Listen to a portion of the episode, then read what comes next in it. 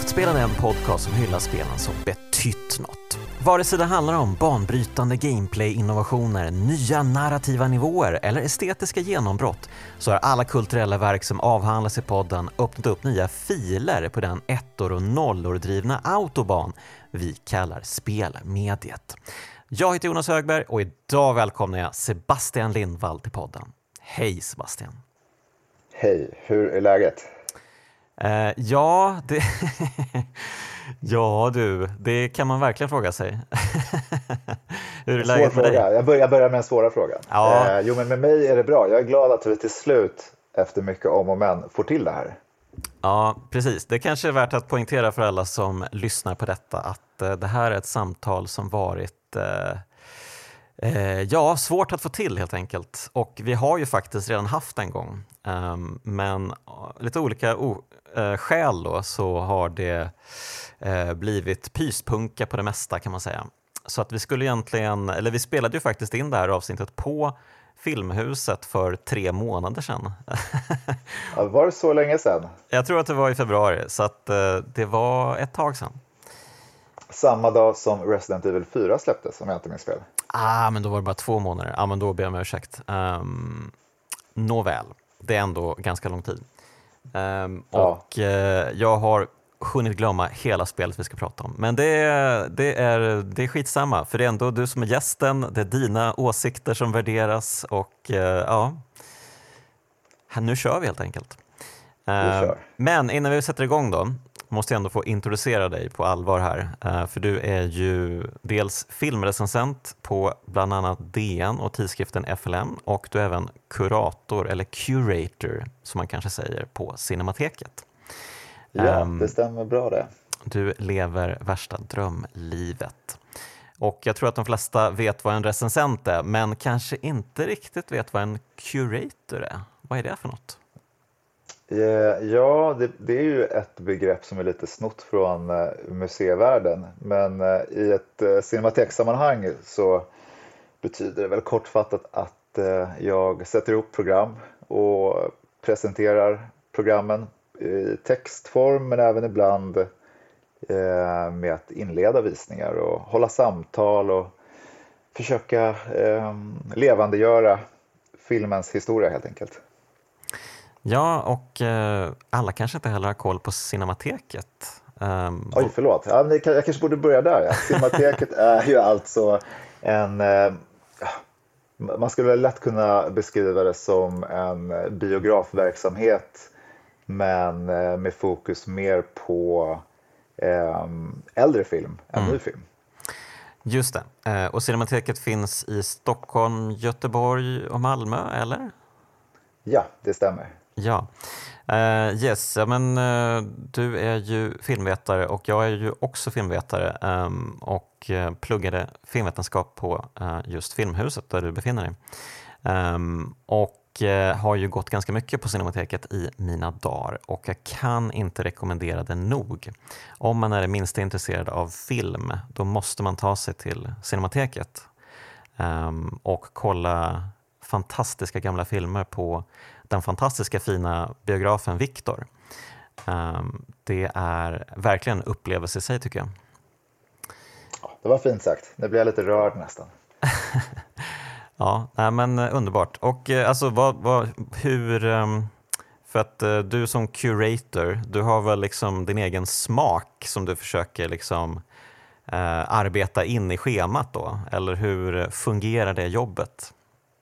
Jo, men lite så är det ju. Jag eh, är ju något så tråkigt som en eh, allätare skulle jag vilja säga. Alltså jag, jag gillar det mesta och eh, har ganska många eh, intressen inom filmen men jag har alltid dragits lite extra mot eh, skräckfilm eller genrefilm i största allmänhet. Mm.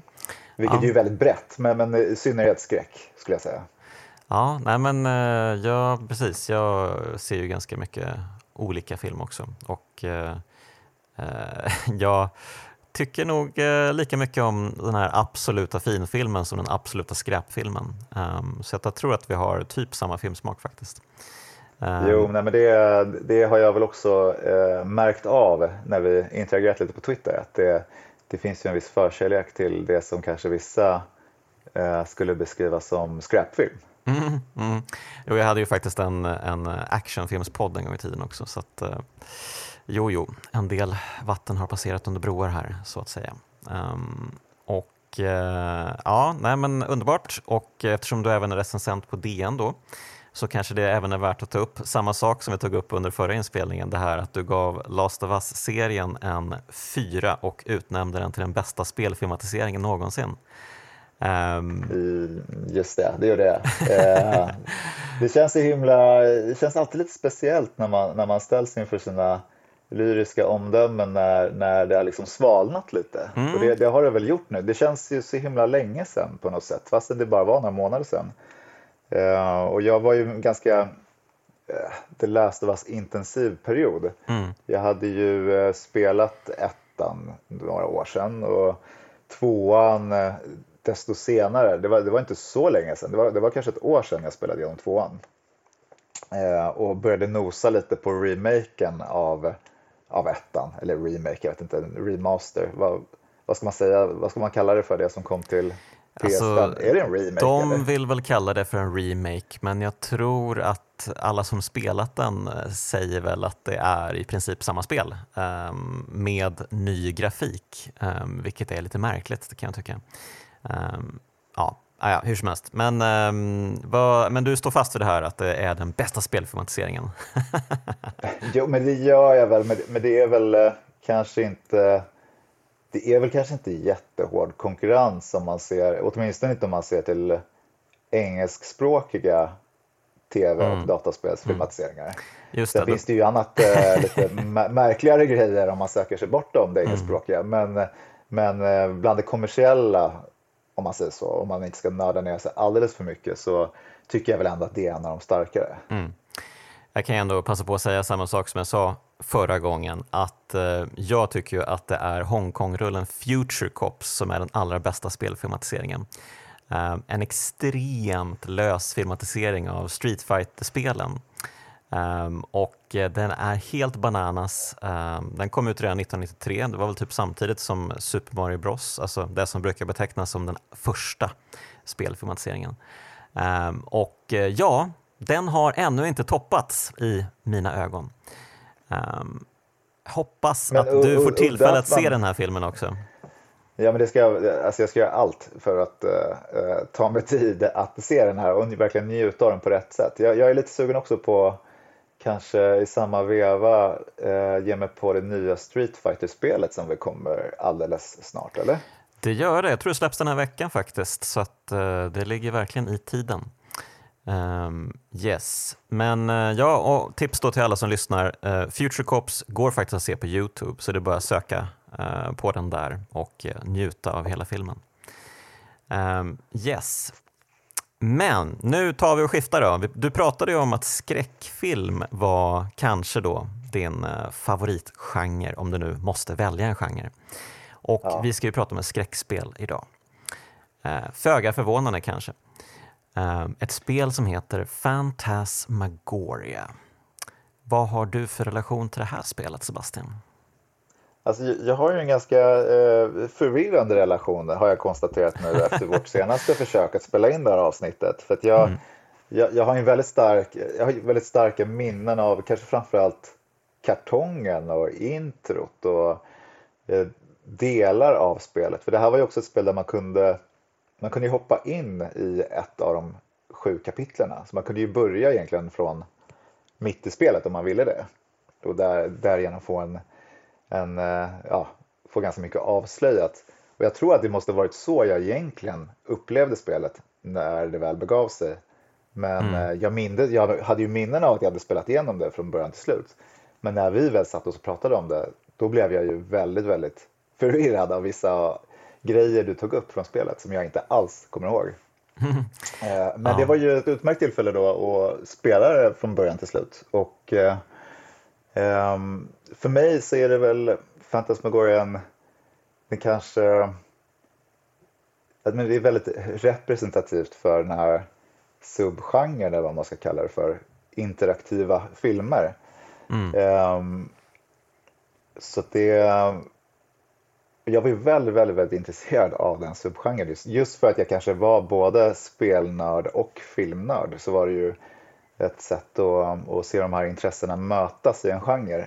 Och sen mm. var ju spelen kanske inte alltid de bästa. Men eh, när jag var liten så var det en så pass kick bara att få de här ganska taskigt animerade eh, spelen och med de här inslagen av riktiga skådespelare och ibland lite sådär småstjärnor. Jag, menar, jag minns att Mark Hamill var ju med till exempel i Wing Commander mm. som ju är bara bitvis då en interaktiv film. Och uh, Dennis Hopper var ju med i, uh, vad hette det spelet nu, Ripper, någonting mer kanske. Um, mm, okay. Christopher Walken var väl också med i något av de här. Det, ja. det dök ju upp lite skådisar här och där. Absolut. Uh, just Mark Hamill var ju med tillsammans med Tim Curry i ett spel som heter Gabriel Knight. Um, ett favoritspel som vi faktiskt har täckt här i kraftspelen. Um, så att ja, det var en, en era då man helt plötsligt bara kunde få höra riktiga skådespelare i spel. Och bara det var ju sjukt nog. Eh, men eh, något sånt får vi inte idag, inte med det här spelet. Um, riktiga skådespelare. Nu kanske man är väldigt elak mot skådespelarna som befolkar ja. Fantasmagoria, men de har ju inte så mycket på sin IMDB om man säger så. Um, det finns väl i och för sig en skådespelerska i spelet hon som spelar, nu ska vi se, hon heter Stella någonting. Um, hon var med i uh, The Nutty Professor på 60-talet. Det är hon som spelar den här tanten i, bokaffär, i den här antikbutiken. Ja, um, okej. Okay. Lou. Ja, hon som spelar Lou. Hon var med på 60-talet och spelade i Nutty Professor med Jerry Lewis. Hon var liksom kärleksintresset i den filmen. Oj då, det är så, ju ingen dålig merit ändå. Nej, men hon, precis, så att hon har ju faktiskt uh, varit med uh, i toppen. Liksom. Sen blev det kanske inte så mycket mer än så, men, och sen så hamnade hon här då i Fantasmagoria som lite äldre antikhandlare helt enkelt. ja, härligt, härligt. Underbart, mm. men man har inte sett lika mycket av huvudrollsinnehavarna däremot. De, eh, de försvann efter det här spelet. ja, det kanske säger ett och annat om spelet, men eh, ja, det är ju väldigt speciell insats framförallt av han som spelar maken i det här paret. Han som är lite den, vad ska man säga, Jack Nicholson eh, mm. eh, motsvarigheten om man, om man tänker The Shining som ju mm. är en av många tydliga inspirationskällor. Just det, eh, David Home tror jag han heter och spelar Don i spelet. Uh, han är ju en, riktig hack. alltså, han är så usel alltså. Um, och jag vet inte om eh, Victoria Morsell som spelar huvudrollen, Adrienne, är så mycket bättre. Um, men det är onekligen fascinerande att se den här tågkraschen pågå. Ehm, faktum är att jag visste faktiskt inte om jag skulle liksom beteckna uh, det här avsnittet som ett avsnitt av uh, kraftspelen eller ett avsnitt av crapspelen. Um, för att uh, vi minns det ju som ett kraftspel men vi har ju upptäckt att det är ett crapspel egentligen. ja, men, men, men det är ju också lite apropå det vi pratade om med, med vår förkärlek för skräpfilm. Mm. Så är det, ju, det är någonting som intresserar mig lite ändå. Att det, inom film anses det ju inte vara något konstigt alls att gilla eh, inom citat dålig film. Mm. Men eh, inom spelkulturen känns det ju lite eh, ovanligare ändå. Alltså att man, mm. man ser charmen, absolut att det finns den här eh, kärleken till retro, att det ska se gammalt ut, alltså en, en nostalgi. Men, eh, men finns det en kärlek för dåliga spel? Ja, jag tror inte riktigt det är på samma sätt precis som i eh, filmvärlden. Nej, men precis, där finns det ju liksom horder av fans som älskar liksom riktig, riktig skräpkultur. Eh, eh, men i spelvärlden så handlar det så mycket om att man vill ha en eh, smooth upplevelse och att eh, alla liksom, spelföretag de är livrädda för att eh, få under 80% på Metacritic. Liksom. Um, så det är ingen som riktigt uh, vågar ge sig på att försöka göra spel av uh, varierande kvalitet. Uh, allting blir ganska liksom, um, allt ser likadant ut nästan. Och de få då som bara gör spel for the fun of it, um, ja, jag vet inte. Oftast så blir det ju uh, inte sådär pajigt som man vill att det ska vara, som det var framförallt på 80-talet kanske i filmvärlden. Um, men det släpptes ju ett spel nyligen, ett, ett Sagan ringen-spel om Gollum som ju blev sågat längs med fotknölarna. Som jag är oh, lite jag sugen på att spela faktiskt. Man blir ju lite sugen ändå. Det är ja. ju, eh, man gillar ju, eh, vad ska man säga, så fantastiska misslyckanden. Och lite där hör ju även Fantasmagoria till. Alltså man, mm. det, det, ju, det var ju ändå ett väldigt påkostat spel har jag förstått. Ja men herregud, det kostade väl eh, mer än en miljon dollar tror jag att utveckla. Um, och de hade ju en, eh, en studio typ i nästan en månad, det måste ju kosta rätt mycket att hyra.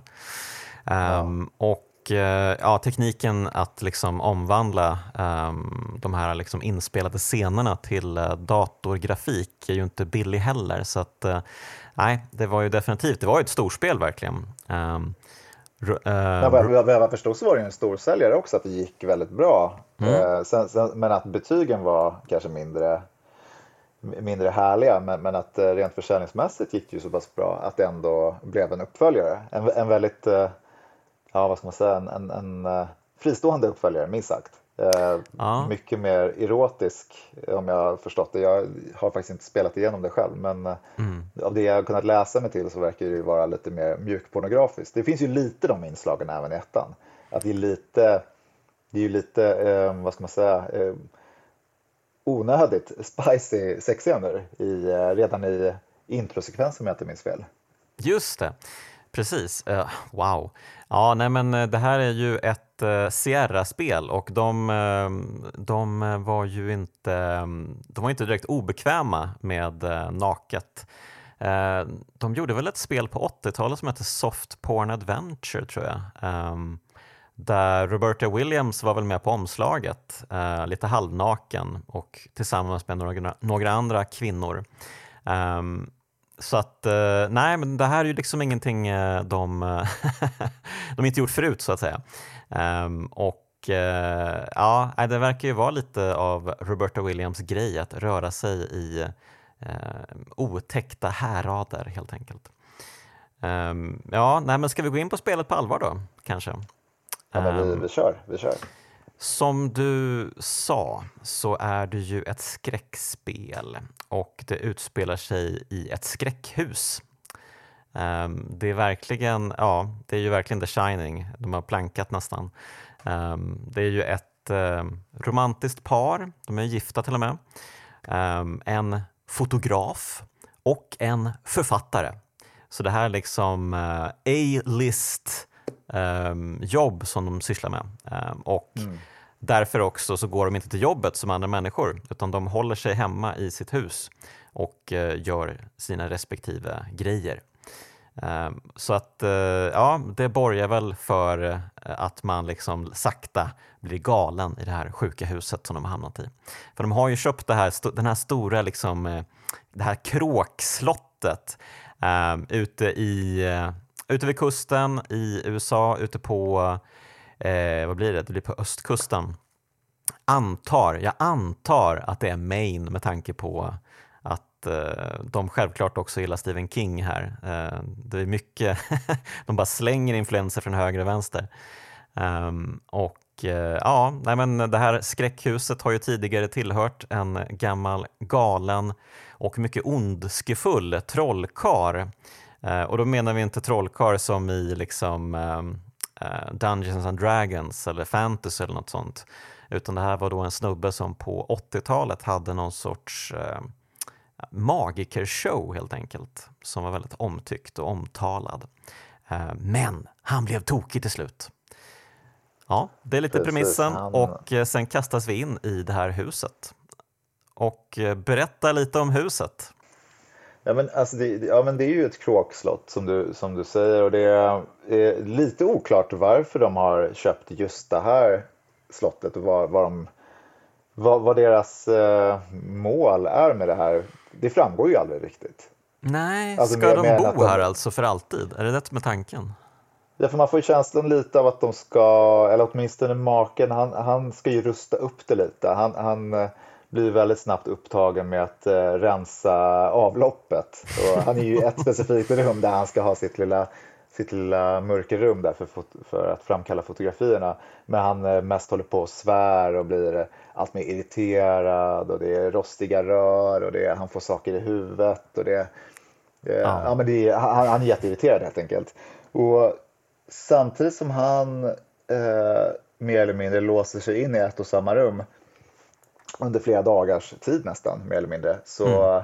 eh, får vi ju följa eh, vår kära huvudperson som bara egentligen utforskar, utforskar hela huset. Det, det är ju en, hon går ju husesyn fast efter att hon har köpt huset. Mm. Och, eh, hon, har, inte, har ju uppenbarligen inte någon som helst koll på vad som döljer sig i huset för varje rum eh, utforskas ju som att det vore någonting hon aldrig sett förut. Och var och varannan dörr är ju låst också visar det sig. Ah, och, och, då får man ju anledning att besöka eh, samhället vid, en liten bit därifrån och konfrontera den slämmiga mäklaren som eh, avslöjar lite sådär. Försöker, han försöker väl göra det mesta för att dölja husets historia. Men man får mm. väl, jag, jag, jag, minns inte riktigt, men jag tror man får väl en nyckel därifrån. Mm. Men eh, inte mer än så. Eh, sen är det ju mycket annat då som man får ta till olika knep för, för att ta sig in. Och det som är lite lustigt är för att så som, precis som i The Shining så blir ju eh, mannen mer och mer galen ju längre in i berättelsen vi kommer. Men även innan han har blivit galen, när han bara är lite småirriterad och håller på och renoverar, så berättar ju inte Adrian någonting för honom om vad hon upptäckt. Hon upptäcker ju ändå det ena mer oroväckande fyndet än det andra. Olika tortyrredskap och mm. tecken på att det här verkligen har hänt hemska saker här. Men hon berättar ju ingenting för honom. Nej, man får ju verkligen intrycket att de aldrig pratar med varandra. Um, och det blir ju liksom tydligt mer och mer liksom i takt med att dagarna går att han blir ju bara mer och mer liksom um, han försvinner ju nästan helt. Um, och uh, hon blir väl lite ledsen över det, men det känns ju inte som att de har varit uh, speciellt kommunikativa innan heller. det känns inte som Nej. världens bästa relation där från första början. Um, Men vad det var som gjorde att det slog gnistor eh, mellan de två, det, det får man ju egentligen eh, fantisera ihop själv. Man får ju för lite, ja, man får ju som sagt lite mjukpornografiska inslag och bland annat en ganska kontroversiell våldtäktsscen så småningom också. Ja, just det. Precis. Eh, ja, men den kommer väl ett par dagar in i spelet. Den är några dagar in, ja. ja just det. Men vi kan väl börja med att uh, återberätta i alla fall det som uh, ja, men blir en avgörande del för handlingen. Det här att Adrian då lyckas ta sig in, ja men det är som en Eh, ja, vad är det? Det är en eldstad va?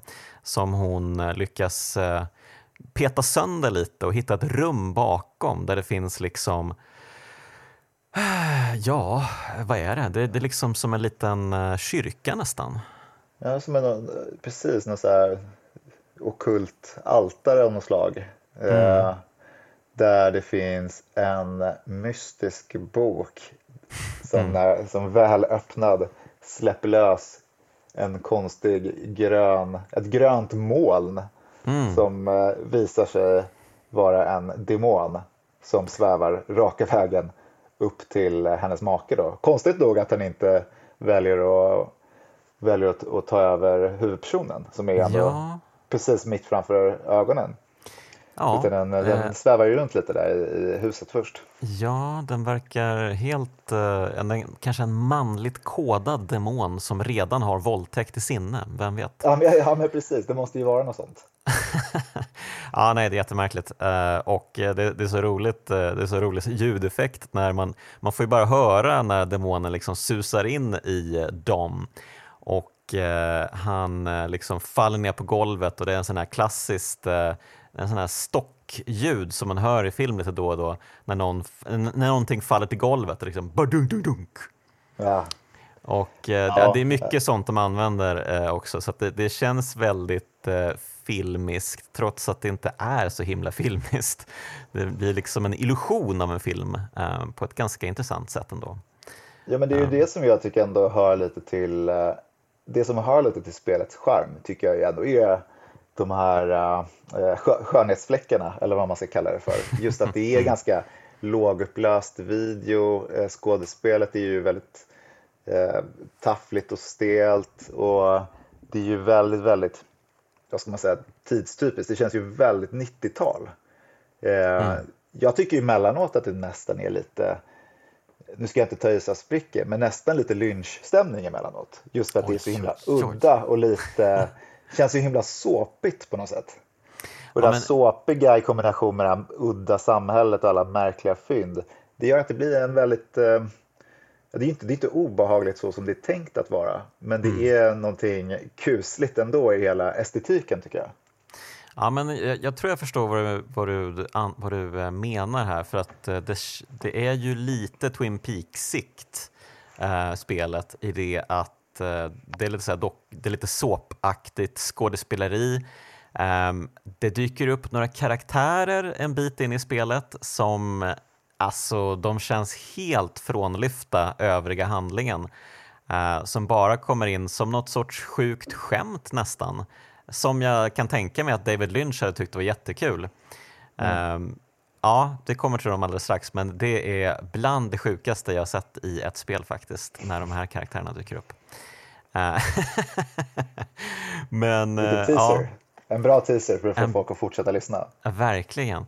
Ja, men, eh, vi har ju inte ens nämnt den här liksom, um, första sekvensen, för du, du pratade om att de har en sexscen det första som händer, men det första som händer är väl att man får se Don som är ute i det fria och håller på att ta kort och sen liksom spanar in det här spökhuset med sitt kikarsikte.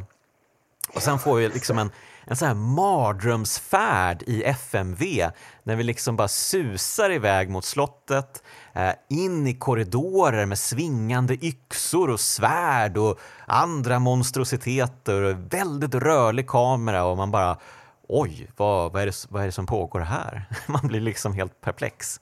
Ja, det är lite ehm. som en ta taskigt animerad eh, version av Blå tåget på Gröna Lund nästan. ja, men det är väl ungefär det spelet är också. Ja, och det, och det är ju ändå det är ju ändå lite charmigt. Om någon beskrev ett spel på det sättet så skulle jag ju bli nyfiken ändå. Alltså man har lite den här äh, kärleken för kärleken för groteska tivolin. Lite det här karnevalaktiga som jag tycker även är väldigt obehagligt. Mm. Men det, precis, men det är väl också grundtanken, för det heter ju Fantasmagoria och eh, det var väl, eh, det var väl sådana liksom spektakel som fanns på 1800-talet. Sådana här lite skräckblandade liksom vaudeville acts. Ja, men precis, um, lite den här se sekelskiftesskräcken.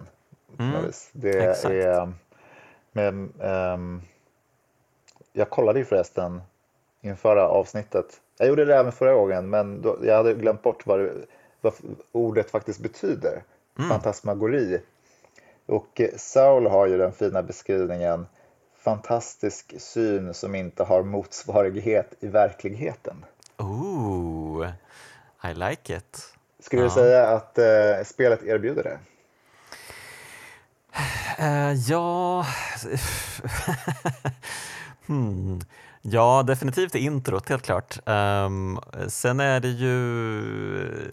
Alltså, man ska ju inte liksom, man ska ju liksom inte försöka få spelet att framstå som någonting annat än vad det faktiskt är. Man går ju runt väldigt mycket och gör i, i princip ingenting väldigt mycket. Um, det är väl det som spelet egentligen är. Men absolut, det händer en del knasigheter och en del sjuka grejer, framförallt mot slutet av spelet.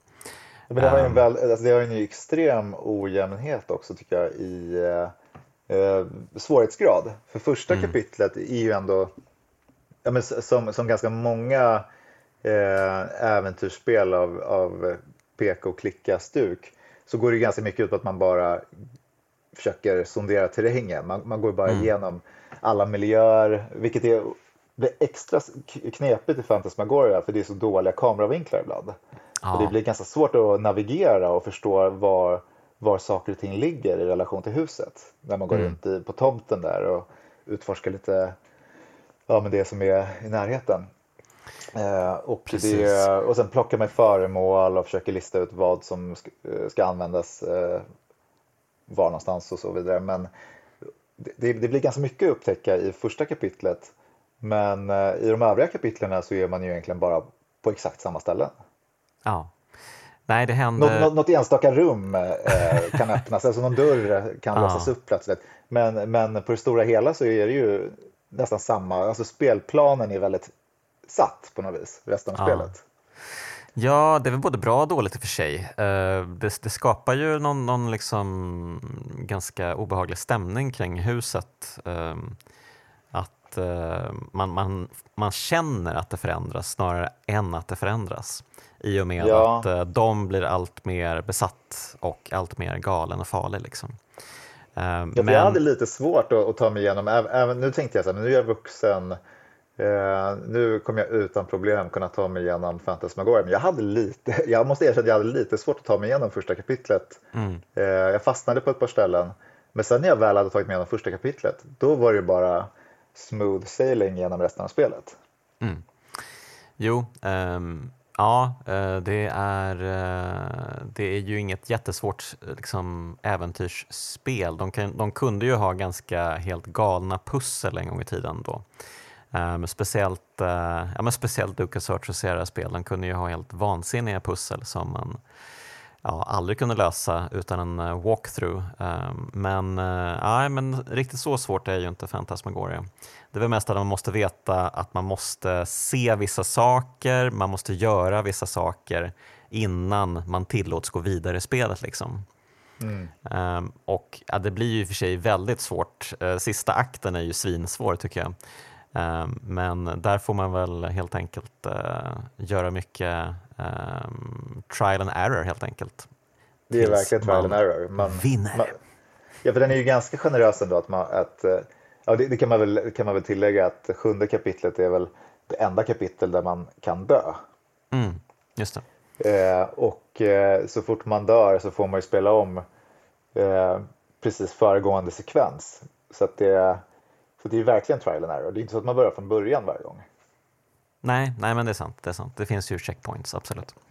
Eh, men man kan ju också ha råkat eh, komma längre eh, i, i liksom den här slutakten utan att ha gjort vissa grejer innan som gör att man kan få det bästa slutet. Så då, ja, då slutar det ju illa helt enkelt. Men nåväl, så kan det gå. Ehm, jag måste även notera då, eller nämna, att Eh, de, förutom att vara väldigt irriterande och eh, det är en väldigt dålig skådespelare, så har han en hästsvans som jag stör mig så otroligt mycket på. Jag hatar hans jävla hästsvans. Och, ja, och, hans, är... och hans jävla väst. Åh oh, fy fan alltså. Han ser så jävla ful ut. Han ser väldigt gubbig ut. Väldigt, ja. väldigt gubbig. Han, ser, han ser väldigt gubbig och väldigt, eh, han ser ut som en person som gillar att jaga förbjudna djur i Sydafrika eller något sånt. Han, ja, det är eh, verkligen riktiga douchebag-markörer. Uh. Ja. Ja, men det, han har ju lite den här kaki, kaki safari-stilen. Mm. Ja, ja, verkligen. Uh, han Som hör han hemma. att hata. ja, gud ja. Ja, verkligen. Han hör hemma i en annan tid. Uh, och då pratar vi inte 90-tal. Kanske 1890-tal. Och apropå uh, stil så måste man ju också tillägga att trots att det, uh, att det sträcker sig över några, några dagar och några nätter så är det väl ingen av rollfigurerna som byter kläder va? Nej, just det. Ja, men det är en klassiker, men det var väl av hävd antar jag. Det var väl ja. för svårt annars eh, att filma allt de behövde filma om de skulle Antagligen. behöva ta på sig andra grejer också.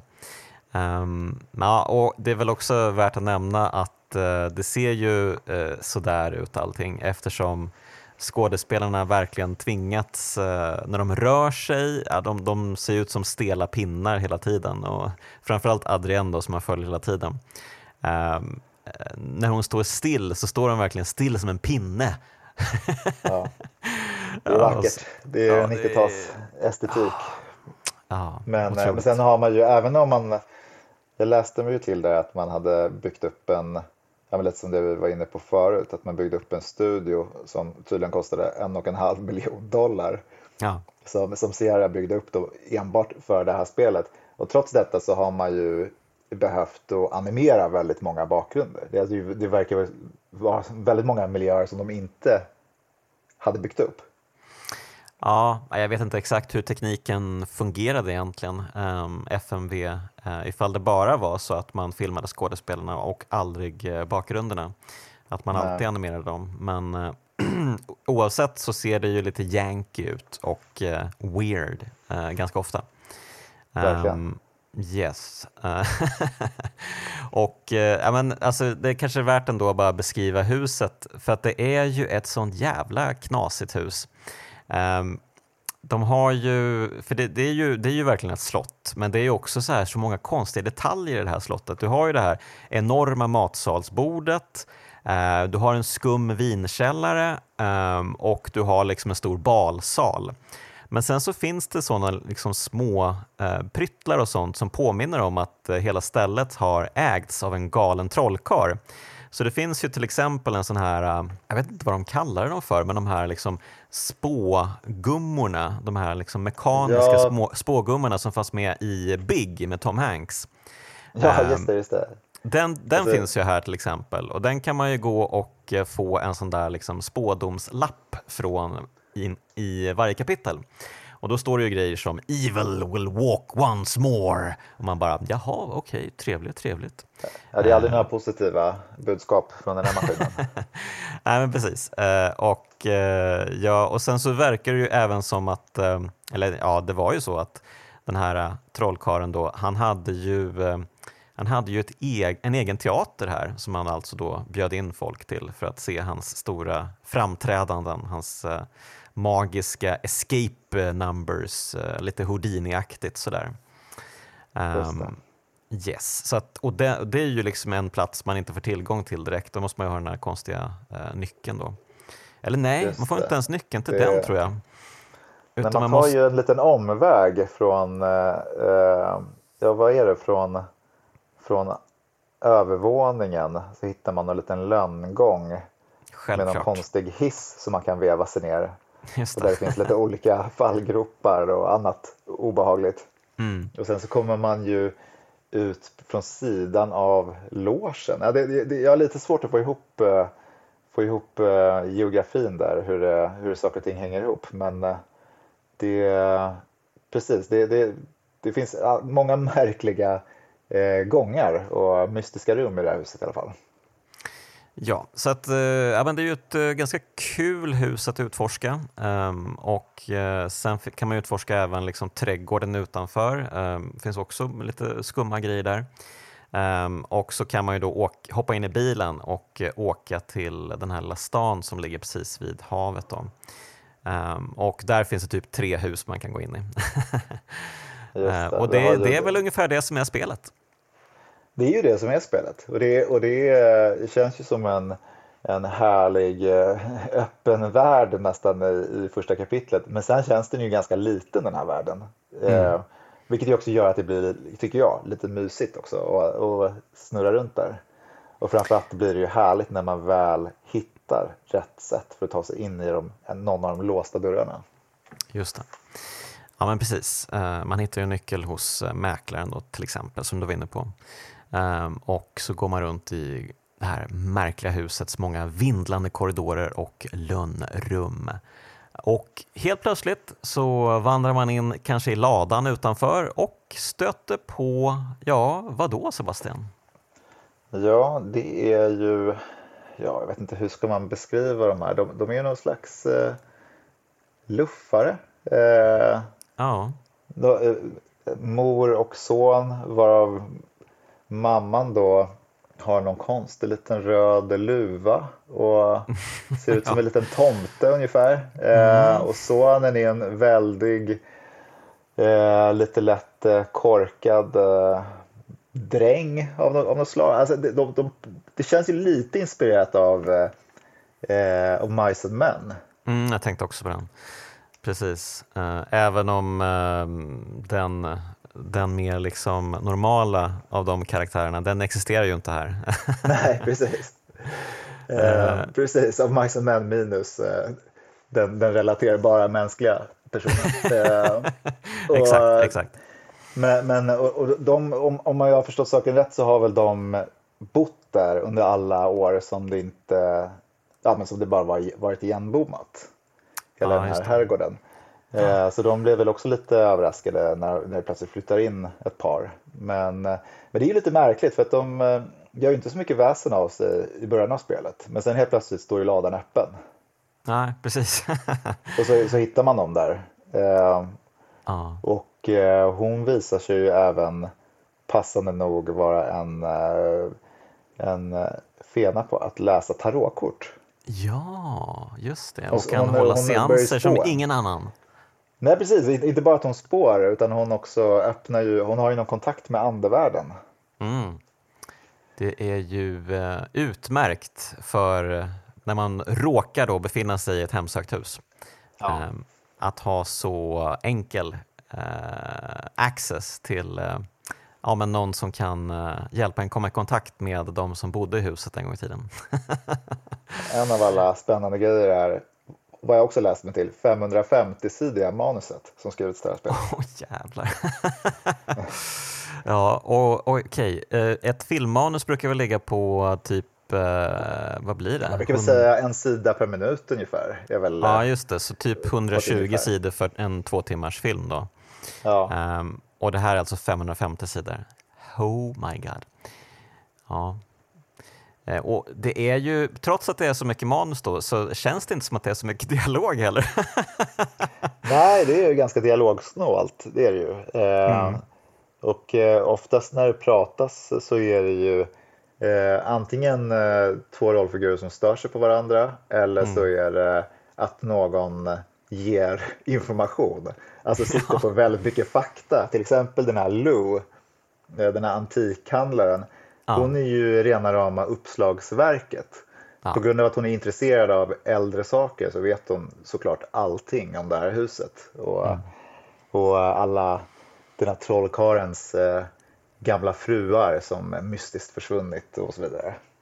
Just det. Ja, och i takt med att dagarna går så börjar ju Adrienne få syner också om just, just de här det. fruarna. Um, och deras uh, ja, men, ögonblicket de dog helt enkelt.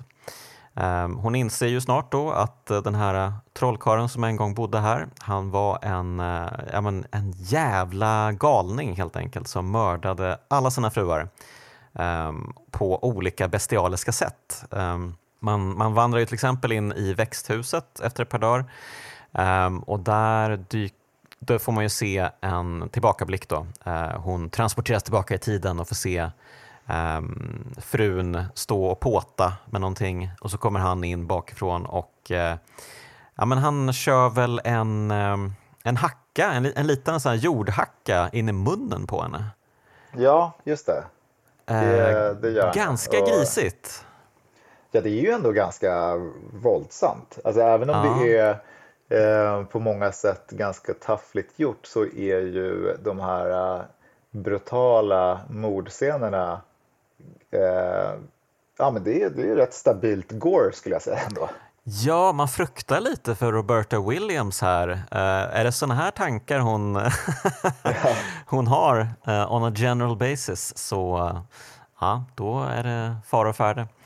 Uh, mitt favoritmord i, i grisighetsväg är ju ändå den här stackaren som blir matad med djurinälvor. Ja, fy Usch, ja, den är verkligen hemsk på riktigt. Genom verkligen... någon slags eh, tratt, någon, någon strut av något slag. Jag vet inte riktigt ja, vad det, är för någonting. Ja, det, ser, men, det, eh, det, ser verkligen brutalt ut. Ja. Um, och så, jag vet inte, hon dör väl till slut av uh, att hon äter för mycket då? Uh, ja, jag vet inte om hon blir, om hon blir kvävd eller alldeles Igenstoppad? Ja, det... Igenstoppad, ja jag vet inte. Det är, det är grovt i alla fall. Ja, det är fruktansvärt. Uh, ja, men så de här scenerna, det är ju egentligen de stora skräckinslagen kan man väl säga. Ja. Uh, förutom att de kanske är lite, lite så här, lite grann figurerar lite i bakgrunden och ibland beter sig mot Adrienne. Um, så är det ju inte så mycket som händer ändå. Förrän vi kommer till den här våldtäktsscenen som du pratade om tidigare. Um, och den är ja, ju inte det, är, det är tvära kast liksom, i hans, uh, hans humörsvängningar. Han går ju från lite lätt irriterad till uh, full våldtäkt mm. följt av hysteriskt fnitter av olika slag. Ja, det är, det är en mycket märklig karaktär och uh, ja, scenen i sig, den, ble, den var ju väldigt kontroversiell på 90-talet. Det var ju många som eh, talade om Fantasmagoria just på grund av att den hade en våldtäktsscen. Det var ju väldigt eh, uppseendeväckande och eh, många blev upprörda. Det måste väl vara ganska ovanligt tänker jag än idag. Hur, hur många, mm. hur många våldtäkts... Jag, jag kan inte komma på allt för många våldtäktsscener i spelsammanhang. Nej, du får gärna lista dem. vi får återkomma med någon lista. Nej, men jag, jag, kom just på, kom jag på en enda i frågan? Um, ja, oklart. Det hör inte till vanligheterna och det, jag menar, i filmvärlden diskuteras det ju i olika vågor kontroversiella våldtäktsscener och till exempel Game of Thrones om man tänker på tv-serier har ju fått mm. ganska mycket kritik för att det är mycket omotiverat mm. sexuellt våld. Ja. Och, jag menar, det, det är ju en levande diskussion. Eh, och så kommer Absolut. det här spelet, det här jättepåkostade interaktiva filmspelet kommer helt plötsligt på 90-talet med en, en, ganska, en ganska otäck våldtäktsscen. Ja, verkligen. Och jag tror att Roberta Williams försvarade sig med att det var liksom en nödvändig scen för att eh, Adrienne skulle förstå att det inte längre var hennes älskade make um, som um, ja, men, kontrollerade uh, den här människan utan att det var en hemsk demon för han skulle ju aldrig kunna göra något sånt mot henne. Liksom. Men, det vet vi ju egentligen, som, som spelare är det ju svårt ändå att köpa den förklaringen för vi har ju inte ja. riktigt sett det som hände Alltså det finns inget riktigt före och efter utan vi kastas ju nästan rakt in i galenskapen från början.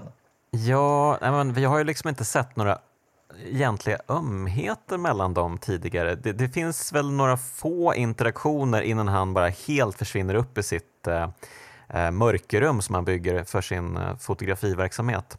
Eh, ja. han, går, han, han, möter henne någon gång i korridoren tidigt i spelet och nyper henne i rumpan tror jag.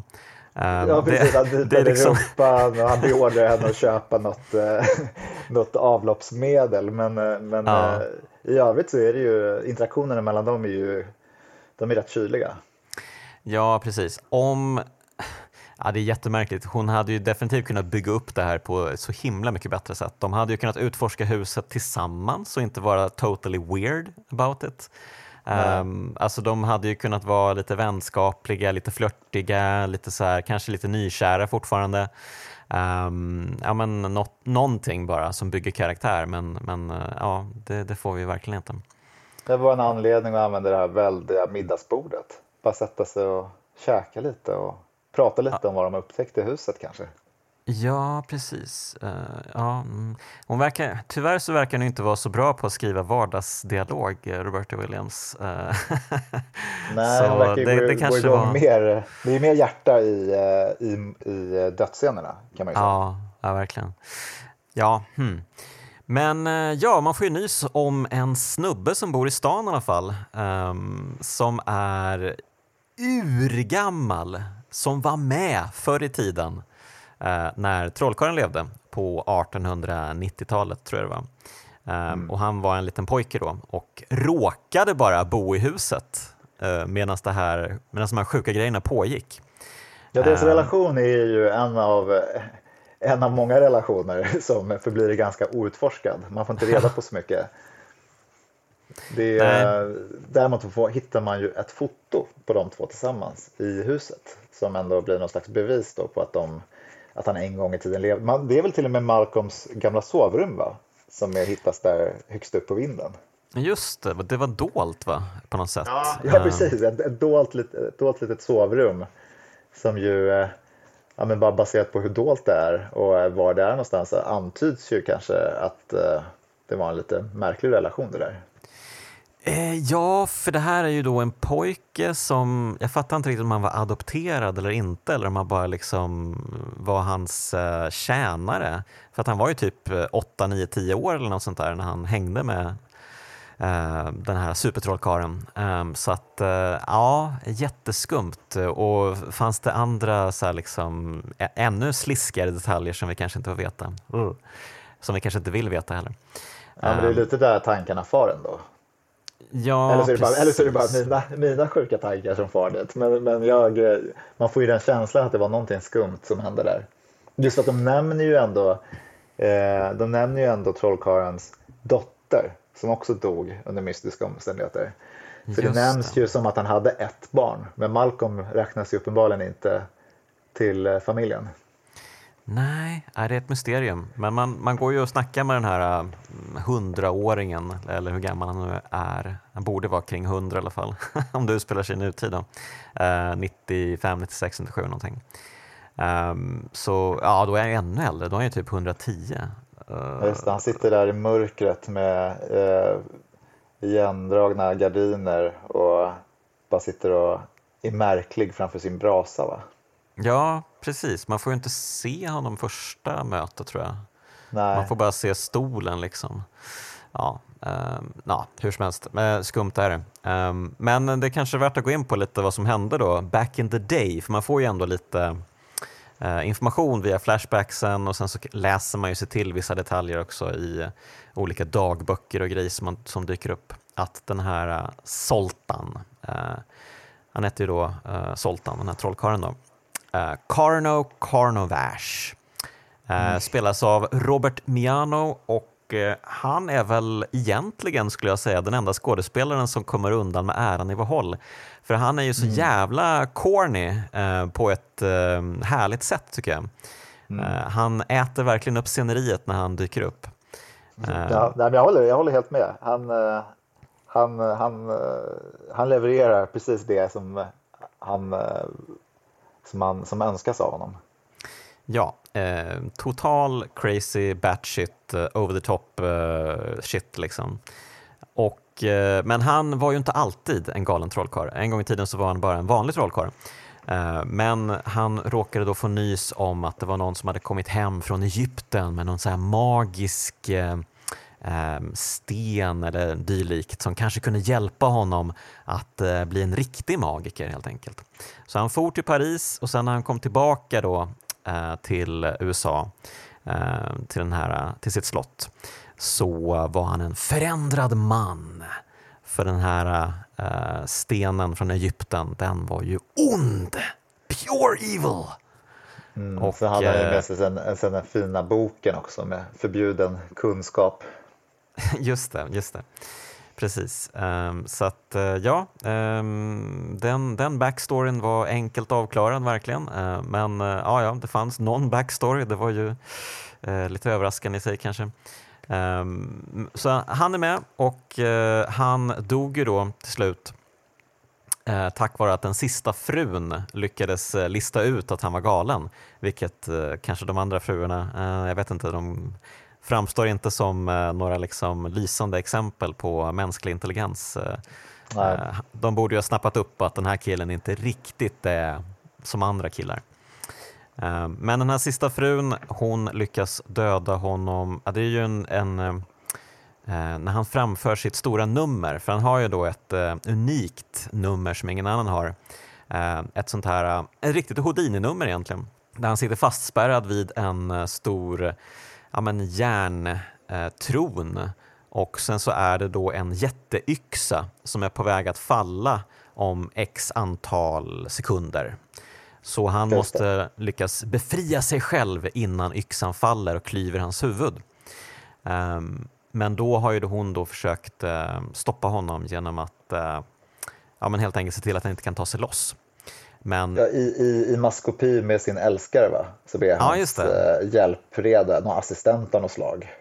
Precis, um, just det. Men de har gjort ett dåligt jobb för han lyckas ju komma loss och uh, så blir det värsta bråket mellan dem. Um, men han dör väl till slut ändå. Um, han får väl yxan, eller han träffas väl på något sätt och blir dödligt sårad i alla fall. Ja. och då lyckas han få tillbaka sitt gamla jag då och eh, släpa sig ner i katakomberna till det här hemliga rummet och ja, men, eh, gömma sin egen kropp där och eh, även slänga in demonen i boken igen. Um, ja. Och eh, allt detta måste nu hon försöka liksom, eh, ta till sig för att eh, ja, men stoppa dem helt enkelt. Precis, och då kanske måste... vi redan är framme vid slutakten här. Ja, nej men det är ju egentligen inte ett så stort spel när man väl kommer igång. Det är ju, eh, det är, man, man, man uh, översköljs ju av uh, massa backstory och sen så är det ju egentligen slutstrid och sen är det slut. Ja, jo, det går förvånansvärt snabbt faktiskt. Uh, men det kanske också är skönt, för det är ju inte ett jätteroligt spel att spela ändå. Man går ju runt som sagt och bara undrar, vart ska jag nu? Vad ska jag göra? Har jag missat något? Mm. Mm.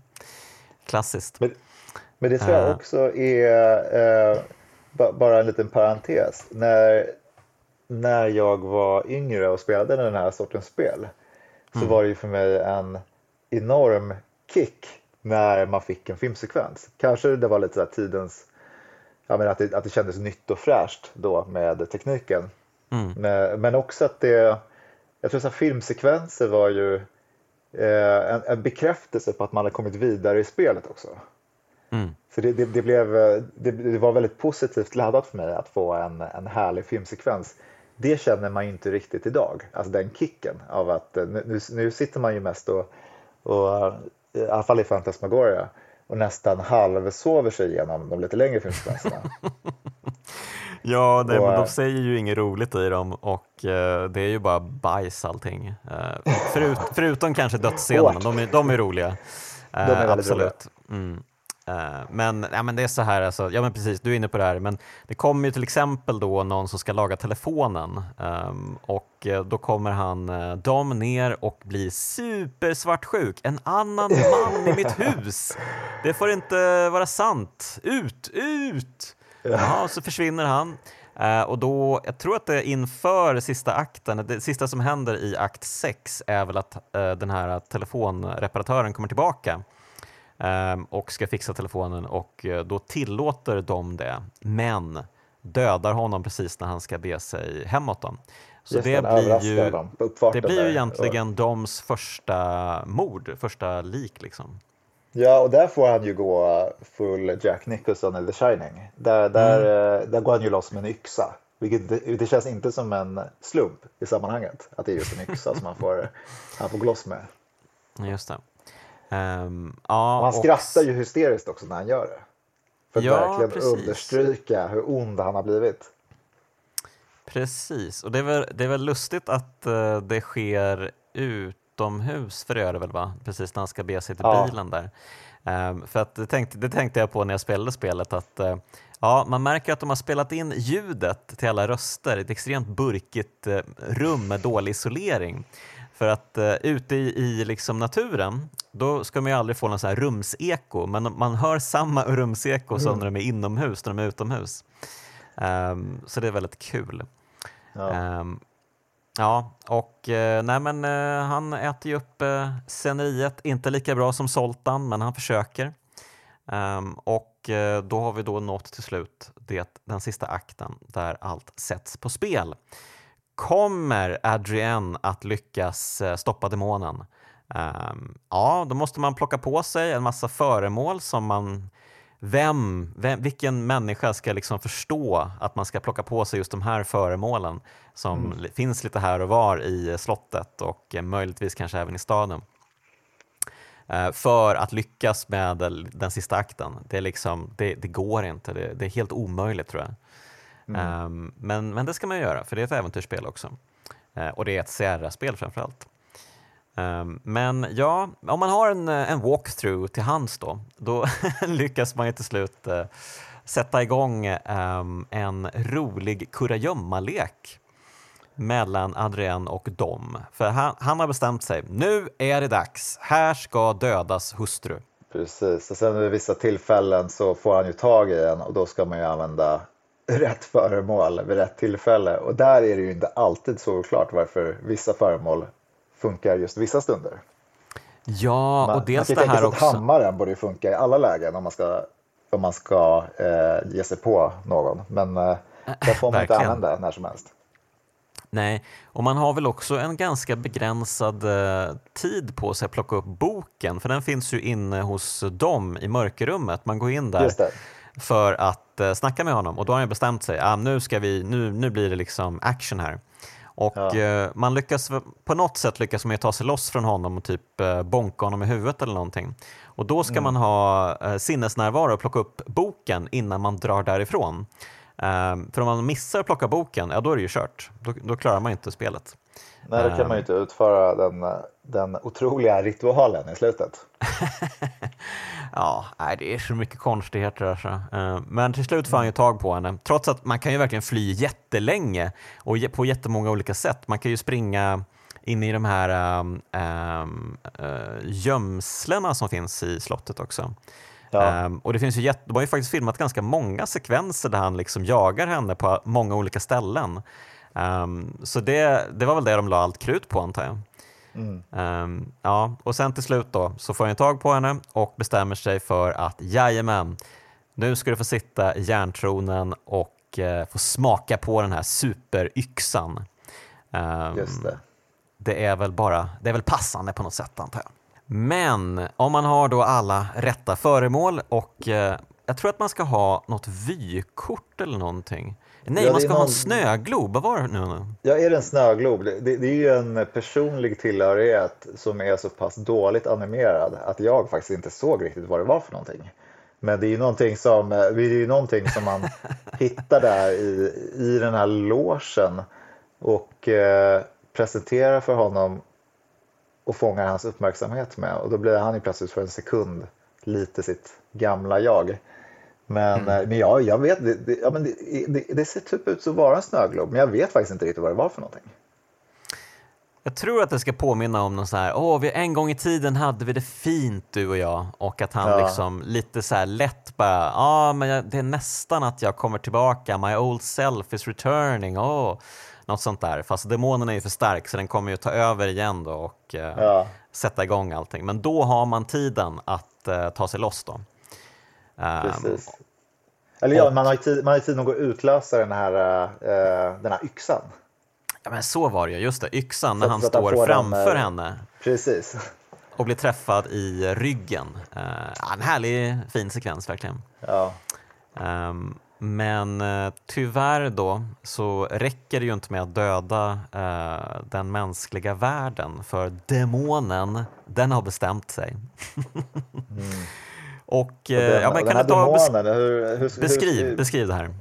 Ja, men den, är väl, den känns ju lite inspirerad av eh, Ghost, är det inte Ghostbusters där det finns en eh, grön demon som är lite sådär Eh, oh. Någon, någon ektoplasma-demon eh, av något slag. Eller är det jag som minns fel?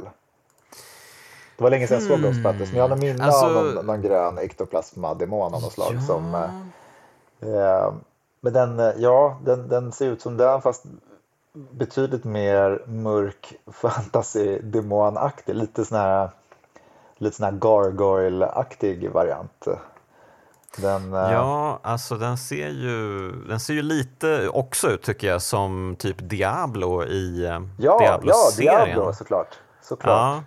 Ja. Lite mer djävulsk. Uh, lite mer djävulsk precis, men den är ju liksom genomskinlig och liksom blåskimrande också. Men det är väl, och den är lite alienartad också, just med käften tänker jag. Ja, um, lite blandning av alla, alla härliga monster man har sett. Uh, det är ju ett den, hopkok hela spelet, så att uh, verkligen. Ja, och den, men den är ju, uh, den är ju, den kör samma, samma sätt att döda henne på varje gång va? Genom att, vad är den gör? Den typ sliter, sliter sönder henne. Ja, det finns, jag tror det fanns ett gäng olika. Det är någon som demonen greppar tag i hennes huvud och bara sliter upp det som en konservburk. Ja, men det är um, den ehm. jag tänker på. Men det, hon, han kanske varierar sadismen lite mer än vad jag minns det.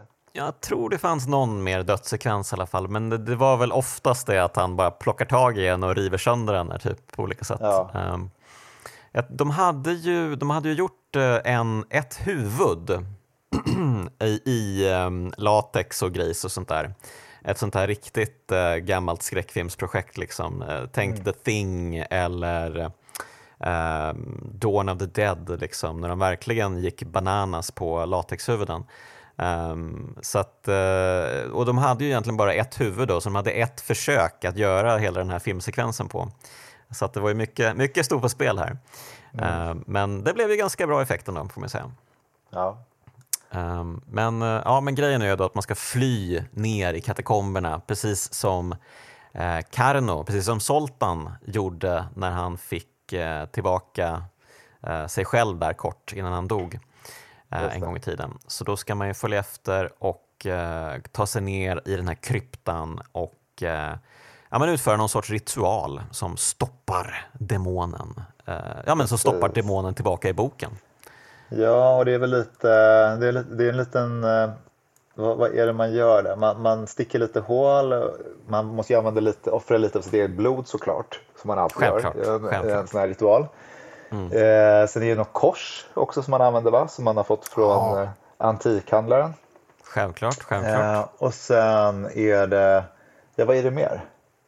Ja, men, det, var, var, man inte inne i ehm, eh, var man inte inne i, det finns liksom en, en krypta där, där man trodde att Soltan låg eh, och Just det, man är inne i en fruar. magisk cirkel. Man måste ju vara inne i den magiska cirkeln också när man gör allt det här. Ja, precis, precis. Eh, ja, men det, det är massa olika föremål helt enkelt som ska aktiveras på olika sätt. Och, ja. Han, eh, demonen hotar ju hela tiden, den står ju banka på dörren verkligen. ja precis, för att vara en, en, så slug demon som kan sväva mm. till höger och vänster så den verkar väldigt svårt att ta sig igenom stängda dörrar. Ja, precis. Den, ja, precis. Det borde ju bara... Tidigare när vi såg demonen så var den ju en grön dimma, men nu är den en stor blåskimrande bäst liksom, eh, ja. som uppenbarligen måste förhålla sig till eh, riktiga korridorer och dörrar och rum. Liksom. Ja. Um, ja, märkligt, märkligt. Um, ja, men där tar det slut. Och det är ett väldigt abrupt slut också. Det är väl, eh, hon bara går runt och ser, lite, ser lika förvirrad ut som jag tror att många som spelar spelet gör och sen eh, traskar hon utanför huset och sen är det väl eftertexter. Ja, det är inte mycket till closure utan det är liksom bara du gjorde det, grattis. Ja. ja, det känns Antiklimax, verkligen. Det känns uh, väldigt tv-speligt. Um, ja. Man hade ju velat ha en Hideo Kojima-avslutning som pågår i 20 minuter. ja, ja, man hade velat ha någonting mer i alla fall. Någonting mer, men det är ju det att det finns ju inga, de har inte riktigt byggt upp någon, något universum där, där det finns någonting annat som väntar henne. Det Nej. finns ju liksom ingen annan rollfigur som hon har direkt knutit något band till, eller det, det finns ju ingenting för henne. Just det, vi har inte ens nämnt att uh, de här, uh, det här galna luffar Eh, duon, eh, Harriet och eh, vad nu sonen hette, Cyrus, Cyrus. kanske. För de hittas väl döda i huset sista akten också? Ja, det. De ska jag, ge sig av minns jag i alla fall. Men, jag hittade i alla fall Harriet inne i den här teaterrummet. Jag tror att hon ligger ja, där. Ja, just det, just det, just det. Det gör hon ja. Precis. Så att har, man, man inser, aha okej, okay, det har skett lite mer grejer här eh, sen telefonreparatören mördades. Ja, uh, så han, eh, han, han, befinner sig i sitt mörkrum instängt nästan hela spelet. Och när, men ändå lyckas han alltid springa runt och döda en massa människor. Mm. Ett, ett, av många, ett av många mysterier i Det är ett manus som, eh, som eh, inte är toppen, men det är ett det är ju ett skräpfilmsmanus verkligen och eh, ja. ett sånt manus ska man ju hylla. Och precis som eh, eh, många av de charmigaste skräpfilmerna så är den ju ändå gjort på fullaste, dödligaste allvar. Får man ändå säga. Det, det, det känns ja. inte som att det är gjort med glimten i ögat. Det är inte meningen att det ska vara att det ska vara taffligt utan det är, jag antar att det här var cutting edge när det väl släpptes.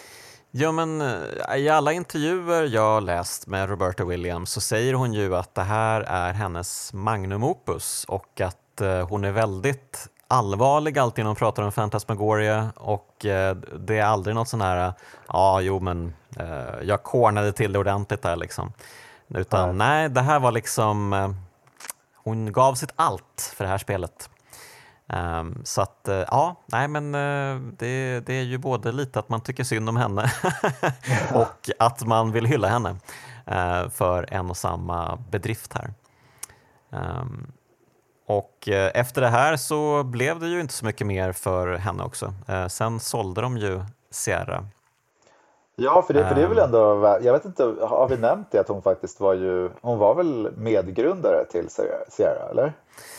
Så var det. Eh, paret Williams, de, de grundade Sierra en gång i tiden, eh, vad var det, sent 70-tal eller tidigt 80-tal någonting. Och eh, det var ju liksom ett av de största spelföretagen i världen under ja, men i princip hela 80-talet. De var ju liksom omtalade och alla spel som hon gjorde, de gavs ju ut med hennes namn på omslaget. Hon var en av de första liksom, som verkligen creddades i spelsammanhang. Det, var ju typ hon... storslaget, alltså vilken pionjär. Alltså hon var ju ja. verkligen eh, en, eh, en otör i, i spelvärlden.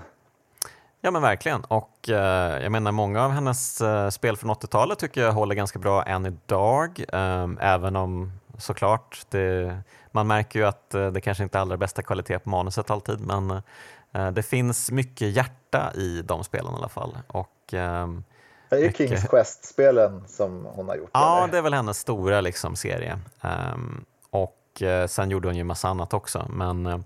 det är väl det hon kommer bli ihågkommen för. Och det är ju ganska, jag tycker det var ganska fint ändå att uh, de, efter att de sålde Sierra, och de säger ju själva nu att de hade ju aldrig sålt Sierra om de vetat att det hade gått som det gått, för att företaget som tog över var ju helt inkompetent och körde företaget i botten typ. Mm. Um, och Sierra uh, dödförklarades ju. Liksom. Men de tog ju pengarna och sprang och uh, de befann sig då på resande fot. under i princip hela 2000-talet tror jag så seglade de runt världen på en båt um, och levde livet.